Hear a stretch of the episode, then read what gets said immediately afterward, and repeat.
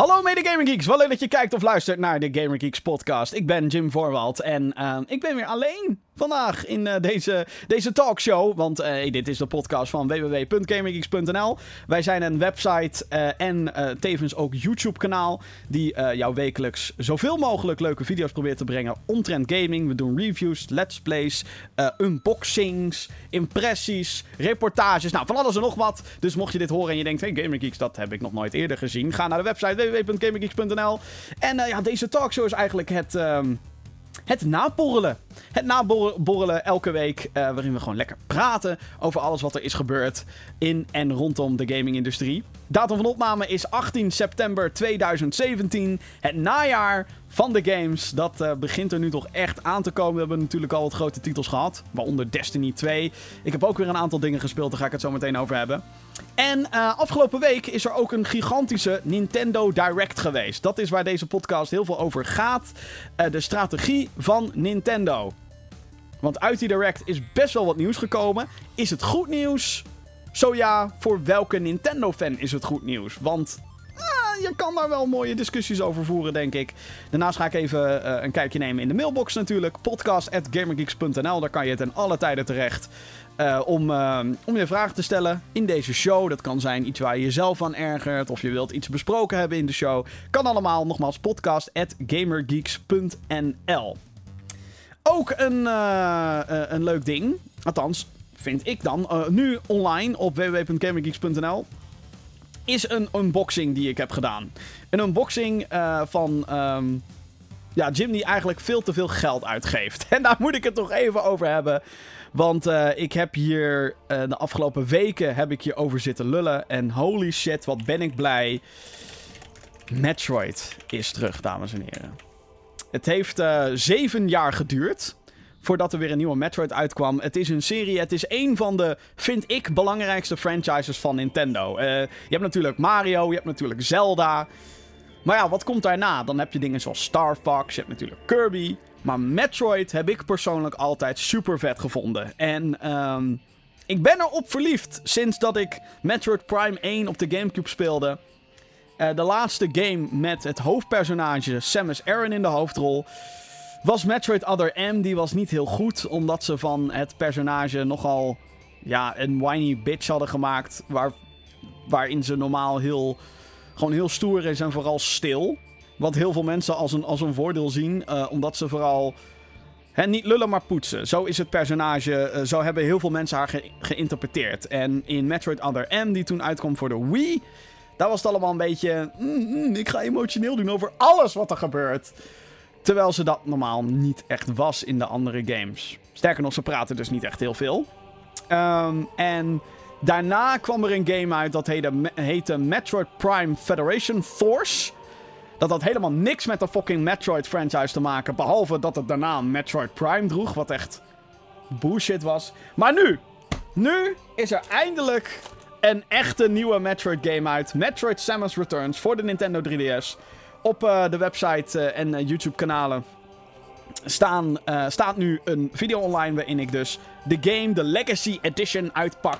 En mijn gloednieuwe nieuw Nintendo 3DS XL. Ja, het is een hele mond vol, maar ik heb hem dus. Samen met de game heb ik hem gekocht. Want hiervoor had ik alleen nog maar een OG 3DS. Uh, echt een launch 3DS. Eentje die ik bij de lancering van het apparaat heb gekocht. In 2011 was dat. En um, dit vond ik toch wel een toffe gelegenheid om mijn 3DS te upgraden. Samen met een game waarvan ik eindelijk weer zoiets had van... Yes! Yes, ik wil het spelen! Oké, ik heb er dus al een paar uur mee gespendeerd. En um, wat ik tof vind aan Metroid is uh, dat het aan de ene kant kan je heel lineair te werk gaan. Dus je kan gewoon naar het doel gaan. En dan is er bijvoorbeeld een versperring in de weg. Dan wordt er meteen een soort van alternatieve route aan je voorgesteld. Knallen, knallen, knallen, monstertjes kapot knallen, bla bla bla, pam pam pam. En dan krijg je een upgrade en zo kan je dus door die deur heen waar je eerst niet doorheen kon. En wat de meeste Metroid games ook doen, is dat ze daarnaast ook nog allemaal items in de wereld hebben verstopt, waardoor je net iets sterker kan worden. Dus je hebt missile upgrades, energy tanks, waardoor je meer schade kan aannemen voordat je doodgaat. En um, zo word je een soort van uitgedaagd van, oeh, weet jij, kan jij hier ook komen? Kan jij, kan jij deze upgrade al pakken met, met de dingen die jij nu hebt? Soms kan dat dus niet. Soms heb je echt specifieke upgrades nodig. Maar je hebt altijd het idee alsof je iets ontdekt in die games. Metroid Samus Returns, de nieuwe dus, die afgelopen week is uitgekomen voor de Nintendo 3DS, is er eentje ehm, die een remake is van Metroid 2, die van origine uitkwam op de originele Game Boy.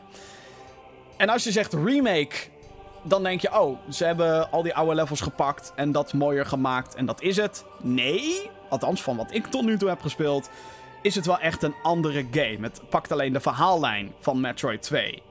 Uh, Return of Samus heet het origineel en deze heet dan Samus Returns. Best verwarrend allemaal.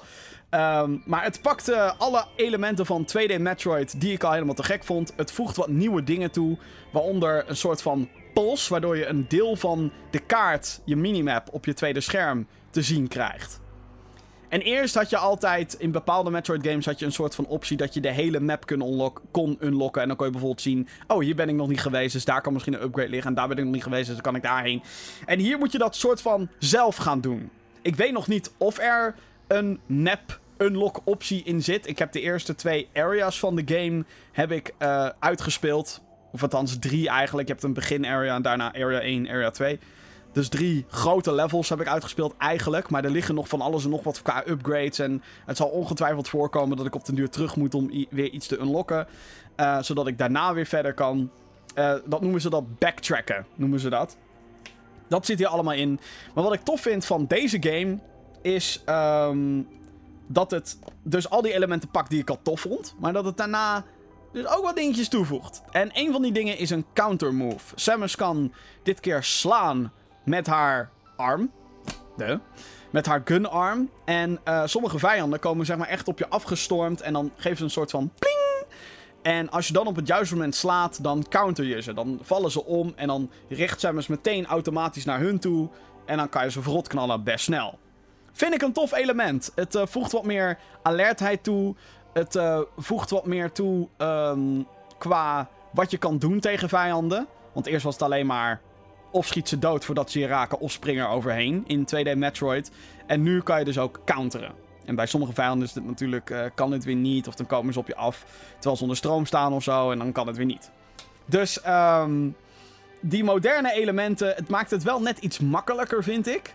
Want ook um, de, um, die pols waar ik het eerder over had, uh, die onthult niet alleen maar een stuk van de kaart, maar onthult ook welke blokken er bijvoorbeeld kapot kunnen. En dit is aan de ene kant wel handig, uh, want het zorgt voor minder frustratie. Omdat het zoiets is van, oh hé, hey, ik kan dat dus kapot schieten kennelijk. Um, aan de andere kant maakt het de dingetjes ook wel weer net iets makkelijker, maar whatever. Um, ik geniet met volle teugen van de game. Het is alsof ik... Ja, ik heb er heel lang op moeten wachten op een nieuwe Metroid game. En het is exact wat ik wilde. Een 2D Metroid game. En het speelt weer gewoon alsof er niks veranderd is in de positieve zin. Dus uh, ik ga nog even doorspelen natuurlijk. Ik uh, ben nu, ik denk drie uur onderweg of zo. Ik heb ook een paar keer gewoon rondom levels een beetje rondgesprongen. Uh, om te kijken of ik dus een upgrade kon pakken die ik dan eigenlijk helemaal niet kan pakken. Maar dan ben ik veel te koppig en dan probeer ik nog een paar sprongetjes te maken. En dat lukt dan niet. Maar um, ja, ik, ik zit hier ook met een gigantisch grote glimlach. Want als ik er nu aan denk, dan denk ik, fuck. Weet je, ik klap gewoon nu mijn 3DS open. En daar gaat hij hoor. Ik ga weer spelen. Ja hoor. Yeah, Metroid. Ah, ah. De graphics vind ik overigens best leuk. En uh, de muziek vind ik ook weer van uh, hoge kwaliteit. Alhoewel ik wel moet zeggen dat, um, dat er een paar muziekjes zijn hergebruikt uit Metroid Prime 1 ook nog. Dat ik denk, nee, van mij mag je wel mogen er wel wat nieuwe uh, muziekjes komen. Het pakt heel veel deuntjes ook uit Metroid Prime en de eerdere Metroids. Uh, er zijn wel natuurlijk nieuwe muziektracks, maar wat iets meer had ik ook wel tof gevonden of zo. Een nieuw lava-theme, een nieuwe overworld, een, een, een nieuwe versie van de item pickup jingle en dat soort dingen. Dus jammer dat ze daarin een beetje heel erg um, leunen op het, um, op het oude. Wat natuurlijk altijd zo is bij Nintendo, maar nu hebben ze het gewoon letterlijk uit een, uit een andere game gejat. Wat ik een beetje jammer vind. Um, een ander ding waar ik het dan nog even over wil hebben is dan de uh, nieuwe Nintendo 3DS XL die ik erbij heb gekocht. Um, Je kan zeggen, Jim, wat ben je voor een mogol dat je een gloednieuwe Nintendo 3DS koopt voor Metroid. Ja, zo erg is het bij mij. Ehm, het, het moet wel zeggen dat, ik, dat het mij ook wel meteen motiveert om weer wat meer 3DS-games te gaan spelen. In oktober komt er bijvoorbeeld een eh, remake uit van Mario en Luigi.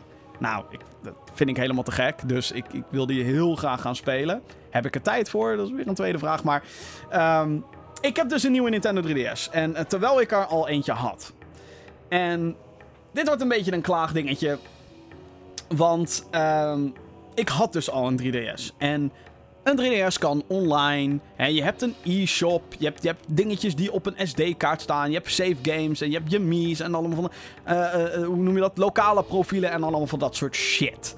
Staat allemaal op je 3DS plus SD-kaart. En je zou denken dat in de moderne tijd waarin we nu leven, dat je makkelijk een tweede 3DS erbij kan hebben. Sterker nog, Nintendo lijkt het soort van aan te moedigen, want ze hebben 80.000 varianten uitgebracht op de 3DS. Oeh, 3DS met een Super Nintendo skin komt eraan. Oeh, we hebben de 2DS, we hebben de nieuwe Nintendo 3DS, nieuw Nintendo 3DS XL. Er is nu een nieuw Nintendo 2DS XL. Holy shit, er zijn er zoveel. Um, dus je zou denken, oh, als je dus een nieuwe krijgt, dan is dat best simpel.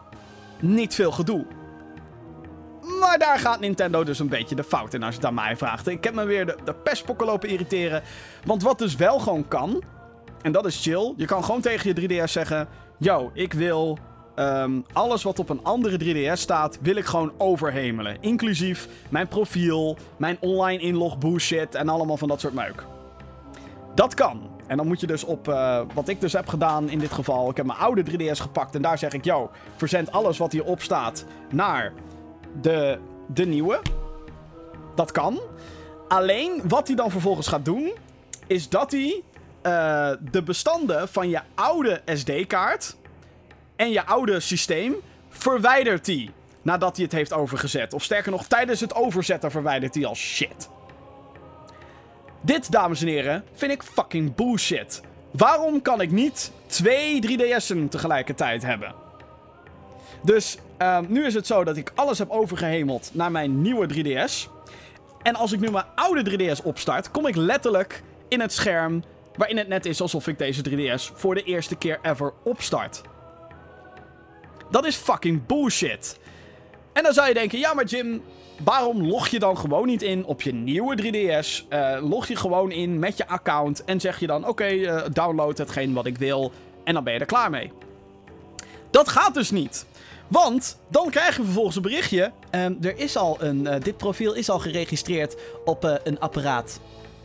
Een 3DS-apparaat. Dus um, fuck you. Wat? Waarom kan dat niet? Misschien is hier een workaround voor. Dat, dat, dat ik dat gewoon niet goed heb gelezen. Maar ik zit daar dus met mijn twee 3DS en ik denk, ja, verrek.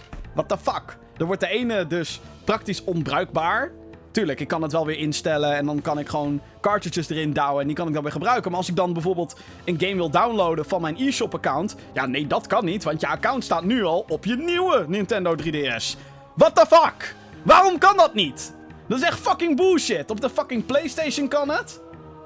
De fucking nou, op de PlayStation kan het. Op de Xbox kan het ongetwijfeld ook. Sterker nog, ik ben hier op mijn fucking Windows 10 PC ben ik nu ingelogd met mijn Xbox account. En als ik nu mijn Xbox 360 aanzet. Ik heb geen Xbox One. Als ik nu mijn Xbox 360 aanzet, kan ik ook gewoon op datzelfde account spelen. Sterker nog, ik kan nu mijn Switch aanzetten. Mijn Nintendo Switch. En dat is hetzelfde account als mijn 3DS. Waarom kan ik dan niet twee 3DS'en hebben? Met hetzelfde account. Als ik gewoon wil spelen. Als ik gewoon een familieaccount wil hebben bijvoorbeeld. Stel, ik had een, een jonger broertje of een jonger zusje of een oudere. Ik heb een oudere zus. En die wil ook een game spelen die ik heb gekocht op de e-shop met mijn money. Ik wil dan gewoon mijn oude 3DS bij wijze van aan haar kunnen geven. Hier, alsjeblieft, speel mijn fucking games waar ik voor heb betaald. Nee, dat kan dus niet. Nee, dan moet ik mijn nieuwe 3DS moet ik dan inleveren. Kortom, uh, nogmaals, misschien moet ik hier wat meer research naar doen. Maar het is fucking bullshit dat dit zo werkt. Dat dat systeem überhaupt zegt: nee, dat kan niet. Dat is echt ongelofelijke onzin. Ik kan dat. Ja, ik, ik, ik, ik kan dat niet handelen. Dat, dat soort onzin. Dat is waarschijnlijk weer een of andere manier van Nintendo. Om uh, ervoor te zorgen dat je bijvoorbeeld niet. eh, eh, ja, dat je shit twee keer gaat kopen of zo. En dat je niet zegt: oké, je koopt een game maar één keer en dan koop ik drie 3DS'en. En dan geef ik die weg. So what? Dan heb ik drie 3DS'en gekocht. Whatever, ik vind het fucking bullshit. Oh ja, en. ehm, wat ik ook onzin vond, dit gaf ik ook al aan tijdens mijn eh, unboxing.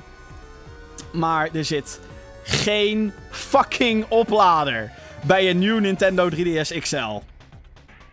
200 euro heb ik hiervoor betaald. Just saying. 210 euro geloof ik. Voor de nieuwe Nintendo 3DS, 3DS XL Samus Edition. En je krijgt er niet eens een fucking oplader bij. Nintendo, fuck you met dat soort bullshit. Fuck you. Dat is echt de grootste fucking onzin die ik ooit heb gehoord. Ik had al gehoord dat het, dat al het geval was bij de Nintendo 3DS XL. Volgens mij. Maar dat dat nog steeds zo is, anno 2017, er op zo'n hele arrogante manier maar van uitgaan dat iedereen al een oplader heeft. Of dat ze nog extra 10, 10 euro extra moeten bijbetalen. Want oeh, je moet wel een oplader hebben natuurlijk. What the fuck? Je krijgt dus niet eens wat je nodig hebt om te kunnen functioneren als je een ni- nieuw Nintendo 3DS XL koopt. Want op het moment dat je dat ding opstart, is er natuurlijk een update van de firmware. En dan zegt hij, heel droog... Ehm, ja, eh, zorg ervoor dat hij is op, eh, aangesloten aan de accu, zodat je batterij niet eh, leeg raakt tijdens het updaten. Motherfucker, je hebt er geen oplader bij gedaan! Goed. Dat is fucking bullshit. Wees dus gewaarschuwd als je nog een DS gaat kopen. Ehm, check even of er een oplader bij zit, ja of nee. Want ehm, ze hebben daar vaak dus fucking dikke vette scheid aan. Gebruiksgemak, nee, fuck you, als het verpakkingje maar in de winkel past. En eh, als je... ehm, Hè, als wij maar onze copyright kunnen beschermen met onze games. Als je maar niet dubbele e-shop titels gaat neerzetten op twee 3DS'en. Want hoe durf je? Ongelofelijke onzin als je het aan mij vraagt. Maar goed, ehm, gelukkig kan ik ook nog genieten van mijn 3DS. Nogmaals, Metroid vind ik te gek. Ik heb zin in een aantal andere games. Maar ik heb deze week ook op een andere Nintendo console zitten spelen. Of handheld. Of nou, nou ja, in dit geval een handheld console hybride. Je hebt het ongetwijfeld meegekregen. Er is een nieuwe Mario game uit op de Nintendo Switch. Maar niet zomaar eentje. Eh, het is er eentje met deze gasten. De Rabbits. Mario plus Rabbits Battle Kingdom is eh, al een paar weken uit. Ehm, ik heb daar ook de Collector's Edition van, want dit was een aankondiging. Dat vond ik helemaal te gek dat dat er was. Eh, eh, het feit dat Nintendo samenwerkt met Ubisoft om zo'n game te maken, een crossover. Sign me the fuck up. Heel veel mensen waren van, waarom? Waarom zou je een crossover doen met Mario? Dat is like, en waarom met de Rabbits? Ze zijn like fucking stupid. Nee, ze zijn niet fucking stupid. Ja, ze zijn irritant. Maar die crossover vond ik briljant. Briljant bedacht. En zeker toen ik de beelden zag dat het een, een turn-based strategy game was. Yes, gewoon. Yes, yes, yes. Inmiddels eh, heb ik er een paar uurtjes in zitten. Ik heb nog niet helemaal uitgespeeld, want ik heb gehoord dat de game best lang is. Ik heb de eerste wereld uitgespeeld. Dat zijn eh, acht levels. En de game is eigenlijk opgesplitst in twee delen. Eh, als ene deel speel je als Mario. Of, nou ja, je maakt een party van drie. Mario moet daarin zitten. En dan heb je dus een aantal Rabbit-personages. Die een soort crossover zijn. Dus je hebt een Rabbit Peach, je hebt een Rabbit Luigi, je hebt een Rabbit Mario, et cetera, et cetera. En je hebt dan Mario, Luigi, et cetera. En je moet dus een party van drie vormen. En elk personage heeft zijn eigen move, zijn eigen rol in het spel. En eh, er is dus één deel in de game, dat is dat je rondloopt met die personages. Dat je een paar muntjes kan, eh, kan oppakken, dat je upgrades kan halen, dat je kistjes kan vinden. En het andere deel, dat is eigenlijk de game. Dat is een turn-based battle. Eh, het is eigenlijk een soort van XCOM voor beginners. Eh, dus eh, je, je, zet je troepen, of in dit geval je drie personages, zet je neer. En op basis van achter wat voor cover ze staan of welke positie ze innemen op het slagveld, kunnen ze vijanden wel of niet raken die dan wel of niet achter cover staan. Ehm, en je kan hele leuke combinaties gebruiken die passen in het universum van zowel Mario als Rabbids. Je kan bijvoorbeeld naar een teammate toe gaan en die kan jou dan omhoog gooien, zodat je dan verder kan springen dan dat jouw personage normaal gezien kan lopen. En het hele cover mechanic, van kan je me wel of niet raken, het is of 50-50 of niet, of je staat in het open. Ehm, dat vind ik heel cool gedaan. Eh, je kan bijvoorbeeld ook naar vijanden toe om ze even te sliden, zodat je al wat hitpoints van ze kan weghalen. En ehm, het werkt super fijn. Het wordt heerlijk op een, op een ehm, niet zozeer kiddie wijze, maar wel op zo'n manier naar je gebracht van, yo, dit is hoe de game werkt. Zo moet je het doen.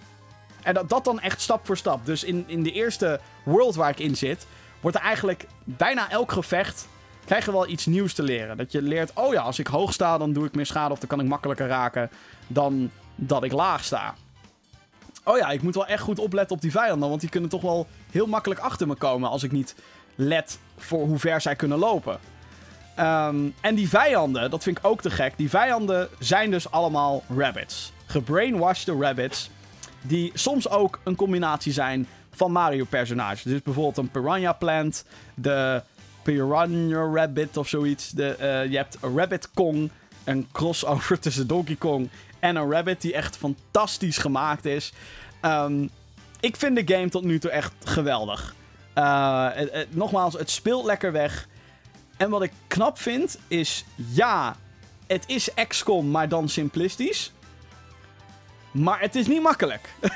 het is makkelijk te begrijpen, maar de game zelf is niet makkelijk. Want ik, had, ik heb een paar keer gehad dat ik zoiets van, oei, ik heb hier nu al moeite mee. Ik zit in wereld 1. Laat staan als ik verder kom in de game. Oh jee, oh jee, oh jee. Ik ben daar heel bang voor, voor die momenten dat ik waarschijnlijk ga ragen en ik... Fuck, waarom heb ik dit niet beter gezien? En zo'n game is het wel. Het is zo'n game waarvan ik volgens mij uh, zoiets heb van... Als je afgaat, is het jouw schuld. Dit is natuurlijk een beetje een geluksfactor. Uh, want als je achter halve cover staat, dan is de kans dus letterlijk 50-50 of je je vijand raakt of niet. Of de vijand jou kan raken of niet. En dat kan natuurlijk af en toe frustrerend zijn. Um, als jij ze maar niet weet te raken, maar zij jou wel. Goed, dat soort dingen blijf je altijd houden. Dus bij elke game met kansberekening is, is, is zoiets aanwezig. Hier is het natuurlijk wel heel fors. 50-50 of niks. Um, maar ja, de manier hoe de game gepresenteerd wordt, dat vind ik indrukwekkend. Het is zo kleurrijk en er zit, dus, er zit zoveel charme in deze game. En ik kan het bijna niet uitleggen waarom het zo leuk is, maar ik zit gewoon te spelen en denk ik, ja, leuk, nog een gevechtje. Ah joh, fuck it, we doen er nog eentje. Ah, weet ik ga toch nog even hier rondlopen, de kissie kijken. De muziek is geweldig. Uh, het is uh, eigenlijk een Mario soundtrack, maar dan veel meer filmachtig.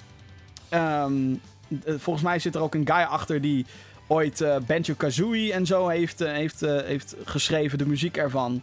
Dus um, ja, ik, ik vind het echt fantastisch. Um, Mario plus Rabbit, ik, um, ik ben helemaal verliefd. nogmaals, ik ben niet ver.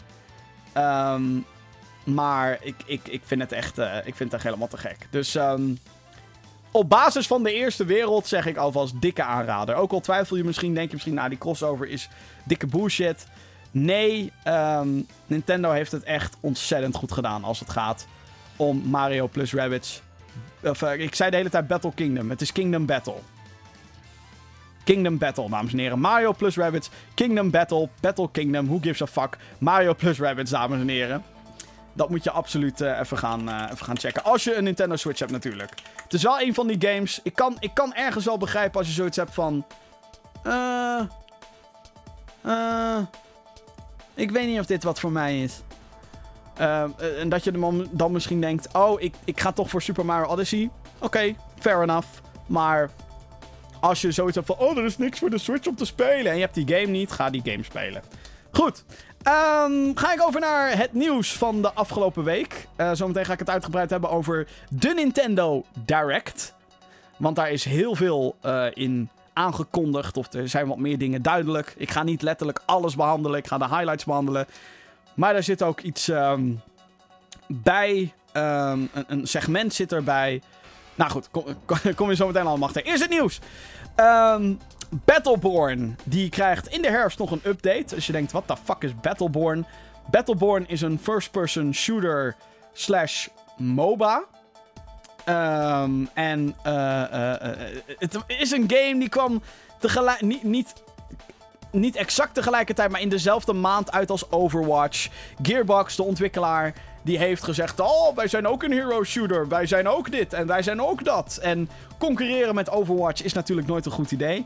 Ik vond Battleborn absoluut geen slechte game toen ik het speelde. Alleen het was heel snel uitgestorven. En het had een paar grote balance issues toen het uitkwam. Dus dat, plus dat er bijna geen mensen speelden. het, is, nou, het is niet eens geëxplodeerd. Het is soort van geïmplodeerd. Um, bijna niemand speelt het nog. En uh, deze herfst komt er dus nog een update uit voor de game. Die gaat Borderlands skins hebben, zodat ze misschien nog wat fans kunnen meetrekken in die game. Maar daarna is het finito met Battleborn. Ze hebben aangekondigd dat ze geen updates meer gaan brengen voor de game. En ik vind dat toch wel triest. Niet zozeer dat ze geen updates meer doen, want hey, als bijna niemand je game speelt, waarom zou je er dan in godsnaam nog tijd, geld en moeite in steken? Maar ik vind het jammer dat het zo gelopen is met die game. Want ik heb een paar potjes gespeeld. Uh, Battleborn potjes die ik oprecht te gek vond. Zeker met een paar mensen erbij. Uh, ja, ik had wel zoiets van: dit kan zo vet worden. Dit kan zo cool worden, deze game. Echt een. Gewoon, het speelt absoluut niet als Overwatch. Het heeft wat elementen, het heeft de kleurtjes van Overwatch, maar het, het speelt heel anders. En het is echt een MOBA. Daar waar Overwatch echt een hero shooter was, is. En Battleborn had toch een leuke variatie. Alleen, ze hadden het niet zo moeten marketen als Overwatch. Dan krijg je dat. En um, ja, nu is die game dus uh, na de herfst uh, zo goed als dood. Of althans, er komen dan geen updates meer. Dus ja, jammer vind ik dat. Player Unknown Battlegrounds. Uh, dat is een game die ik nog nooit heb gespeeld. Dus als je afvraagt wat vind jij van die game.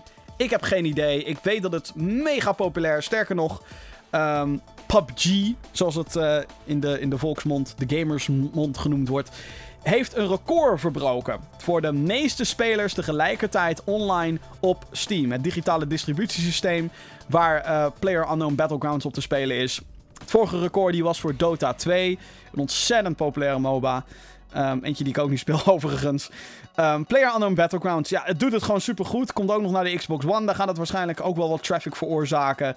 Um, ik ben bang ook dat als ik die game ooit ga spelen, dat ik er veel te veel tijd aan kwijtraak. Maar aan de andere kant lijkt het me ook niet zo leuk. Want van wat ik tot nu toe heb gezien. Nogmaals, ik heb het zelf niet gespeeld. Maar het is vooral heel veel lopen, lopen, lopen. Dingetjes verzamelen, dingetjes verzamelen. En dan in één keer neergeknald worden. Althans, dat gaat bij mij dan waarschijnlijk gebeuren als ik ga beginnen met spelen. Um, dus is het misschien te populair? Dat kan ook natuurlijk. Dat iets gewoon te groot is. Maar goed, uh, volgens mij eh, genieten de developers en de spelers heel erg van het succes. Want hey, hoe groter zo'n game is natuurlijk, hoe meer, geld, hoe meer geld er binnenkomt voor een game, hoe meer geld erin gestoken kan worden. Dus dan krijg je zo'n soort effect van meer updates, meer modes, meer dingetjes. Game is nog wel een early access trouwens. Op Steam. Nintendo. Uh, nee, dit gaat nog niet over de Nintendo uh, Direct. Daar gaan we zo meteen op verder. Dit stond er los van. Maar mocht je zo'n iemand zijn die denkt: Fuck, ik wil een Nintendo NES Classic Mini. Maar ik heb er natuurlijk geen eentje kunnen krijgen, want er werden er maar 10 gemaakt. Hij gaat opnieuw in productie genomen worden. Uh, ondanks wat Nintendo eerder zei. Nintendo zei eerder: nee, dit was een one-time deal. We doen het niet meer. Het is klaar, finito. Dit was de NES Classic Mini. Doei, toedeledokie. We gaan nu naar de Super Nintendo Classic Mini. Uh, daar komen ze nu van terug. Ze gaan dat ding weer in productie nemen. Het is dus een mini Nintendo 8-bit ding. Kan gewoon via HDMI, geen zorgen. En daar staan dan 30 games op. Uh, die allemaal van de NES waren. Waaronder Super Mario Bros. 1, 2, 3. Wat stond er nog meer op? Kirby's Dream Land stond er geloof ik op. Hey, nee, zo heet hij niet. Niet Kirby's Dream Land, Kirby's Adventure. Zeg ik dat goed? Nu moet ik het even checken. Nu raak ik in de war. Um, en hier... Oh, fuck. Ik ben het aan het verneuken. Maar hij gaat dus opnieuw in productie. In de zomer van 2018. Dan uh, ligt hij weer in de winkel. Als het goed is. Als ze er genoeg maken.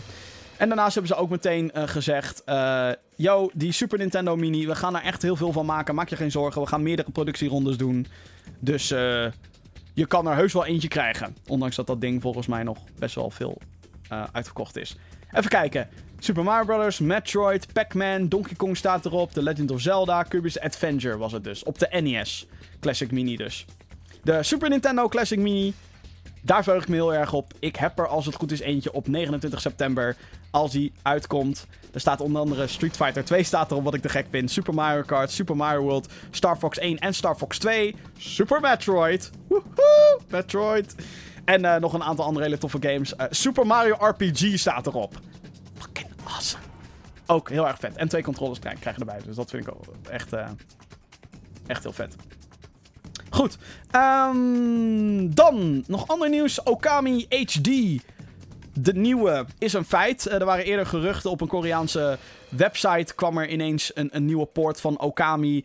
Die uh, was ergens. Uh, kwam ineens op een website. En toen dachten mensen: hey, is dat echt? Het is echt. Capcom heeft het bevestigd. Okami is een game waarin je als een godin speelt. die de vorm aanneemt van een witte wolf. schijnt een hele mooie game te zijn. Ik heb hem nog nooit gespeeld. Um, maar 12 december komt hij dus weer een keer uit. En dit keer voor de PC, PlayStation 4 en de Xbox One. Het is een game die van origine uitkwam op de PlayStation 2, geloof ik. En daarna op de Wii. En vervolgens ook nog eens op de PlayStation 3. Maar dat is al een tijd geleden allemaal. Um, wel gek dat hij niet naar de Switch komt. Vind ik. Want perfecte platform voor zoiets. Oudere game. Hè, een beetje opgepoetst. HD. Is al eerder op de PlayStation 3 verschenen, dus kan makkelijk op de Switch, zou je denken. Hm. Weet niet echt waarom, uh, waarom die niet naar de Switch komt. Alhoewel, ik zeg nu natuurlijk, uh, het klinkt nu alsof het, het, het porten van een game naar de Switch zo gebeurd is. Dat is natuurlijk niet zo, maar je zou denken, perfecte game voor de Switch. Maar helaas. Lethal League Blitz is aangekondigd. Lethal League is een te gekke game. Gemaakt door een Nederlandse ontwikkelaar, Team Reptile. Zij hebben dus een vervolg aangekondigd.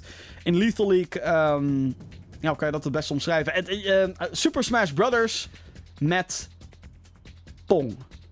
Dus de, uh, je speelt als een character. En je hebt een bal in het spel. En op het moment dat jij die bal raakt, wordt die bal van jou. Als iemand anders dan geraakt wordt door die bal, is hij af. Uh, maar diegene kan hem natuurlijk terugslaan. En elke keer als je die bal slaat, dan gaat hij sneller. En op een gegeven moment heb je een soort van Dragon Ball Z effect dat je zo... En dan gaat het hele scherm flipt helemaal. Dan moet je juist timen. Wil je die bal weer terug kunnen slaan. Je kan ook uh, je vijanden blokken. Je kan een soort van tikje doen. Dat die bal eventjes blijft zweven om hem daarna weer te kunnen slaan. De eerste game vond ik helemaal te gek. Uh, heeft, is dit jaar volgens mij nog verschenen op de PlayStation 4 en de Xbox One. Um, ik heb er best wel wel wat uren in zitten op uh, Steam. Hij is nu trouwens ook in de aanbieding. Want uh, aanrader dus, Lethal League, de eerste. De tweede, Blitz, die nu dus is aangekondigd, komt in 2018 naar de PC, PlayStation 4 en de Xbox One. Dus um, ik heb daar fucking veel zin in. En als je nu denkt, nou, ik ben wel benieuwd naar de eerste Lethal League. Dat komt goed uit, want er is uh, tot en met 21 september 2017 is er een Humble Summer Sale bezig. Dat is op de Humble Store. Digitale winkel is dat. En daar is ook Lethal League onder andere te krijgen voor 3,60 euro. Nou, dat is geen geld. Koop dan even zo'n 4-pack. Geef wat codes aan, aan wat vrienden. Ga samen die game spelen. Geloof me, gegarandeerde fun. Echt waar. Superleuke game. Andere tips die ik nog heb. Ja, die hele store staat natuurlijk vol met... Oh, min 50%, min 75%. Twee andere tipjes misschien. Prey is nu 30 euro. Redelijk nieuwe game. Uh, half jaartje oud of zo. Nog niet eens. Um, ik vond hem heel vet. Review staat op GamingGeeks.nl. En ook Resident Evil 7 staat daar voor 30 euro. Bij de PC-versie trouwens. De review van de PlayStation 4-versie is ook te vinden op GamerGeeks.nl. Van Resident Evil 7 dus. Tot zover de headlines. Ik ga even de mailbox openen. Podcast.gamergeeks.nl Dat is uh, waar jij naartoe kan mailen als je vragen hebt over wat je in de show wil hebben. Of als je iets als je, als je aan iets ergert binnen de game-industrie of je wil iets heel graag besproken hebben. Uh, Podcast.gamergeeks.nl Ik open nu mijn mailbox om te kijken wat er allemaal naar gestuurd is. Uh, thanks allemaal voor je vragen. Ik zie inderdaad dat er van alles en nog wat is gemaild. Is helemaal te gek. Allereerst, uh, vaste luisteraar Jeroen, die heeft gemaild. Uh, Yo Gamergeeks, wat wordt de flop van het komende najaar? Kusjes van Jeroen. Oei. Uh, de flop. De flop, de flop, de flop. Star Wars Battlefront 2. Grapje. Nee, dat, die game wordt helemaal te gek. Oei, de flop. Waar zit nou echt helemaal niemand op te wachten? Ik denk dat NEC 2, of KNAK 2, of whoever the fuck je het wil uitspreken. Ik denk dat we dat nu al kunnen bestempelen als de flop van dit jaar. Wie de fuck zit er nou op te wachten? Op dit moment. Helemaal niemand. Uh, ik pak toch, toch even een release-lijstje erbij. Om te kijken of er niet iets anders is waarvan we zeggen... Nou, dat, daar zit echt helemaal niemand op te wachten. Waarom breng je dat nu ook uit? Soms is timing ook gewoon heel slecht. Weet je wel, dat ze dan een game gaan uitbrengen in het midden van een fucking druk seizoen. Moet je niet willen. Um, Ik denk dat Middle-earth Shadow of War misschien wel uh, wat klappen kan krijgen qua verkoopcijfers. Want er is alleen maar gezeik rondom die game. Pay-to-win microtransacties. Uh, bullshit met ontwikkelaars die overleden zijn. En dan willen ze. De ontwikkelaar wil dan DLC in de game doen. En dan gaat maar een deel daarvan gaat naar het goede doel. Alleen maar in bepaalde. Er is alleen maar controverse rondom die fucking game. Oh ja, en je moet online zijn, wil je Shadow of War kunnen spelen. What the fuck? En dat nieuws domineert de headlines op gaming websites. En iedereen die dus een beetje naar gaming websites kijkt. Die gaat dan misschien toch wat zijn twijfels trekken of die pre-order niet gecanceld moet worden. Verder lijkt die game best leuk. Er staat een Gamescom preview op GamingGeeks.nl. Ze zeggen check dat. Uh, ik, misschien dat die wat klappen gaat krijgen. Verder uh, zie ik hier ook tussen staan Gran Turismo Sport voor de PlayStation 4. Niemand heeft het over die game. Helemaal niemand. Ik, ik hoor... Weet je, ik weet het, het is, het is een game voor de echte autofanaten. Maar zelfs die hoor ik over Forza, over Project Cars. Maar niet over Gran Turismo. Wat ik heel gek vind eigenlijk. Um, even kijken, wat komt er nog meer uit? Mm. Ook natuurlijk, wat is een flop? Weet je wel? Ook heel erg subjectief. Maar. Ja, ik vraag me dat persoonlijk af waarom ze in godsnaam Pokémon Ultra Sun en Ultra Moon gaan uitbrengen. Maar. Hmm. Um, ja, nee, voor de rest zie ik niet echt games waarvan ik denk, nou, dat gaat echt. Niemand gaat dat niemand heeft er interesse in. Ik vind zelf Sonic Forces een gigantisch groot twijfelgeval. Want, um, ja, ik, ik heb die game gespeeld. Nogmaals, ook een, een, een Gamescom preview staat online. Uh, ik was niet bepaald onder de indruk. Dus ik denk Sonic Forces, Gran Turismo Sport. En uh, nogmaals, ik denk dat Shadow of War, Middle-earth Shadow of War, wat klappen gaat krijgen. Of althans, het gaat niet. Uh, de verkoopcijfers behalen die Warner Brothers waarschijnlijk had gewild. Denk ik. Misschien wel, misschien vindt iedereen het straks te gek en dan toppie, maar laten we hopen dat we uh, de uitgever een, een bericht kunnen sturen van yo, fuck af met je bullshit.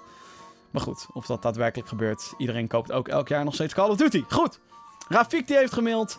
Uh, nou, thanks trouwens voor je mailtje. Wat is jouw mening over pirating en tweedehands games kopen? Dat zijn natuurlijk wel twee gigantisch andere dingen. Dat is echt appels en peren die je daar naast elkaar legt.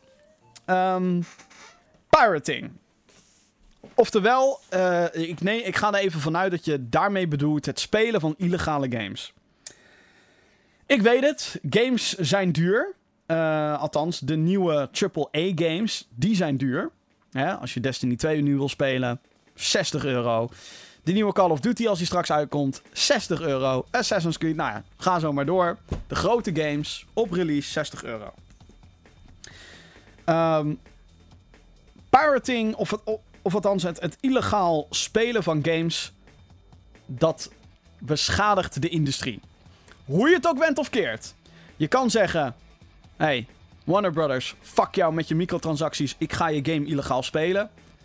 Um, dat heeft weinig zin eigenlijk. Um, het, het, ik bedoel, ja, je kan dan de game spelen misschien wel niet. Als je maar niet gepakt wordt en zo. Want voor je het weet bannen ze je van allemaal shit. Um, kijk, ik, ik, heb zoiets van... Als jij gaming leuk vindt... Uh, en, en... Weet je wel, je, je hebt een passie voor games... en je wilt dat die industrie gezond blijft... Koop dan gewoon games.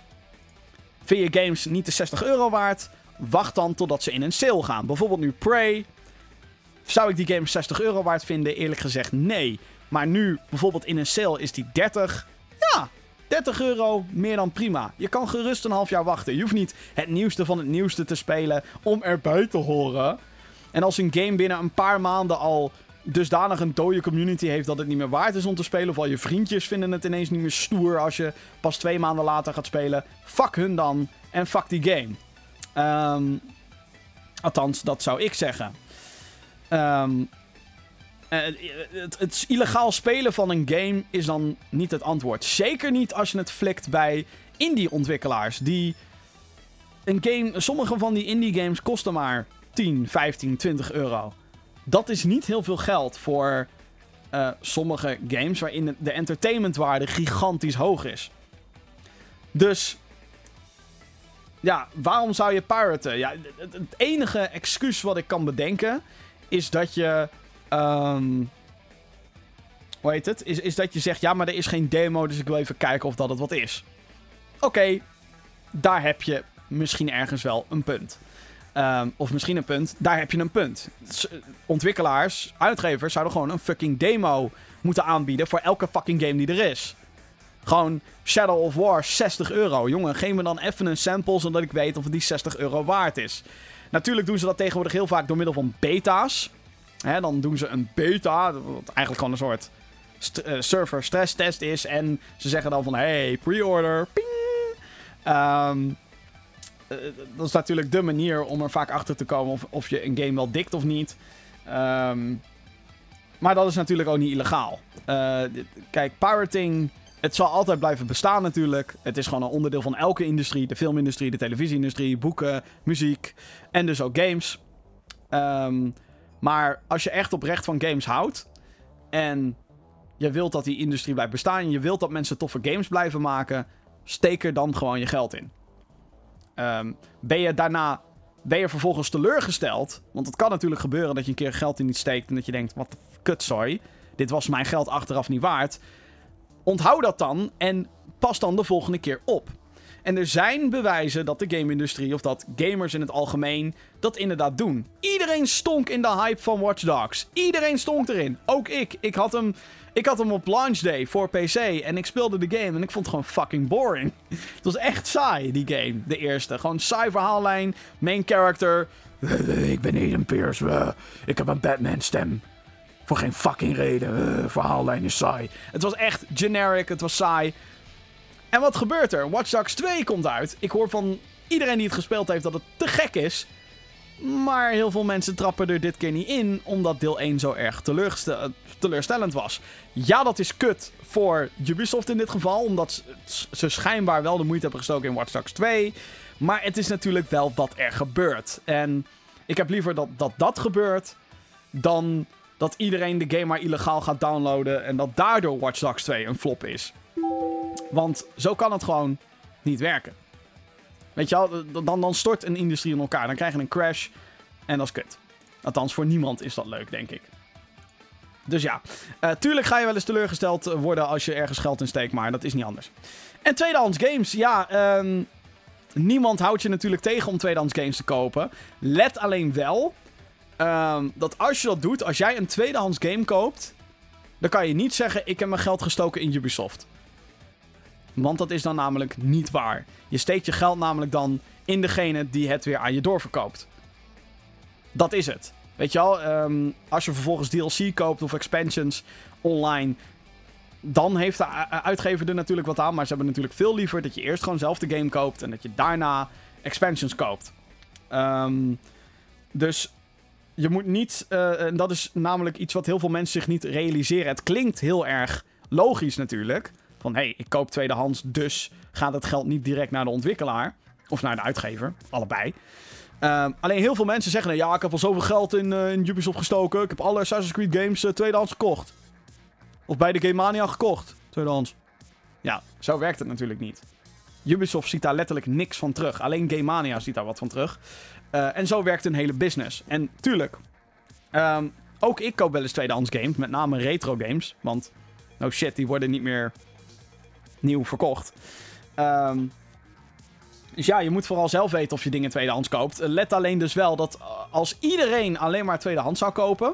Wat natuurlijk niet kan, want tweedehands kan alleen maar bestaan als mensen het eerst zelf kopen. Maar um, als er maar een select groepje mensen is, een heel klein groepje mensen die de game koopt en de rest wacht totdat die tweedehands in de winkel ligt, weet dan wel um, dat ook daar de uitgever niks van terugziet. Dus als je echt wil dat een, een serie of een uitgever of ontwikkelaar kan door blijven ontwikkelen, of als de industrie gezond blijft, dat je niet alleen maar tweedehands koopt.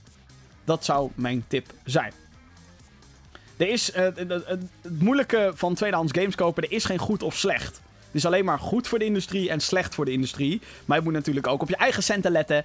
En um, ja, ik bedoel.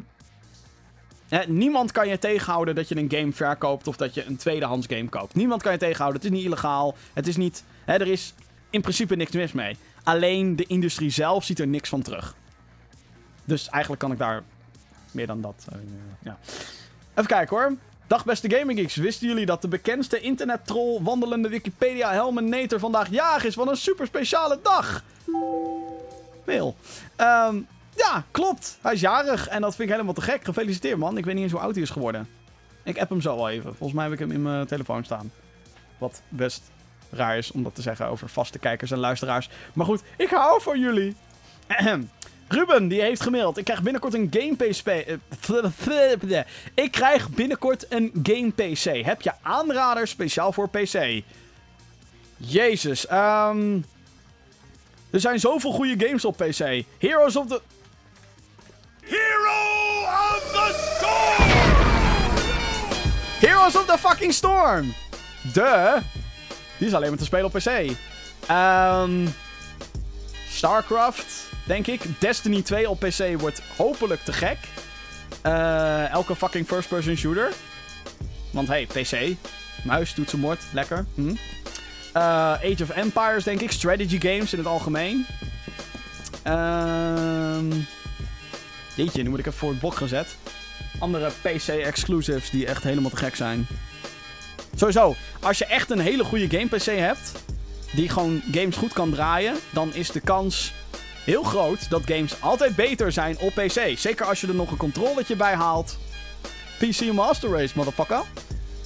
Dat gezegd hebben, er zijn natuurlijk games die uh, misschien net iets vermakelijker zijn op de console. Met name door de player base. Ik speel zelf bijvoorbeeld veel liever fighting games op de, op de PlayStation in dit geval. Ik heb geen Xbox One. Maar Tekken 7, ja, het is er voor PC. Maar ik speel toch echt veel liever op PlayStation. Gewoon fighting game, weet je wel. Heb je ook geen dikke PC voor nodig. Maar bijna al het andere, ja, PC, dude.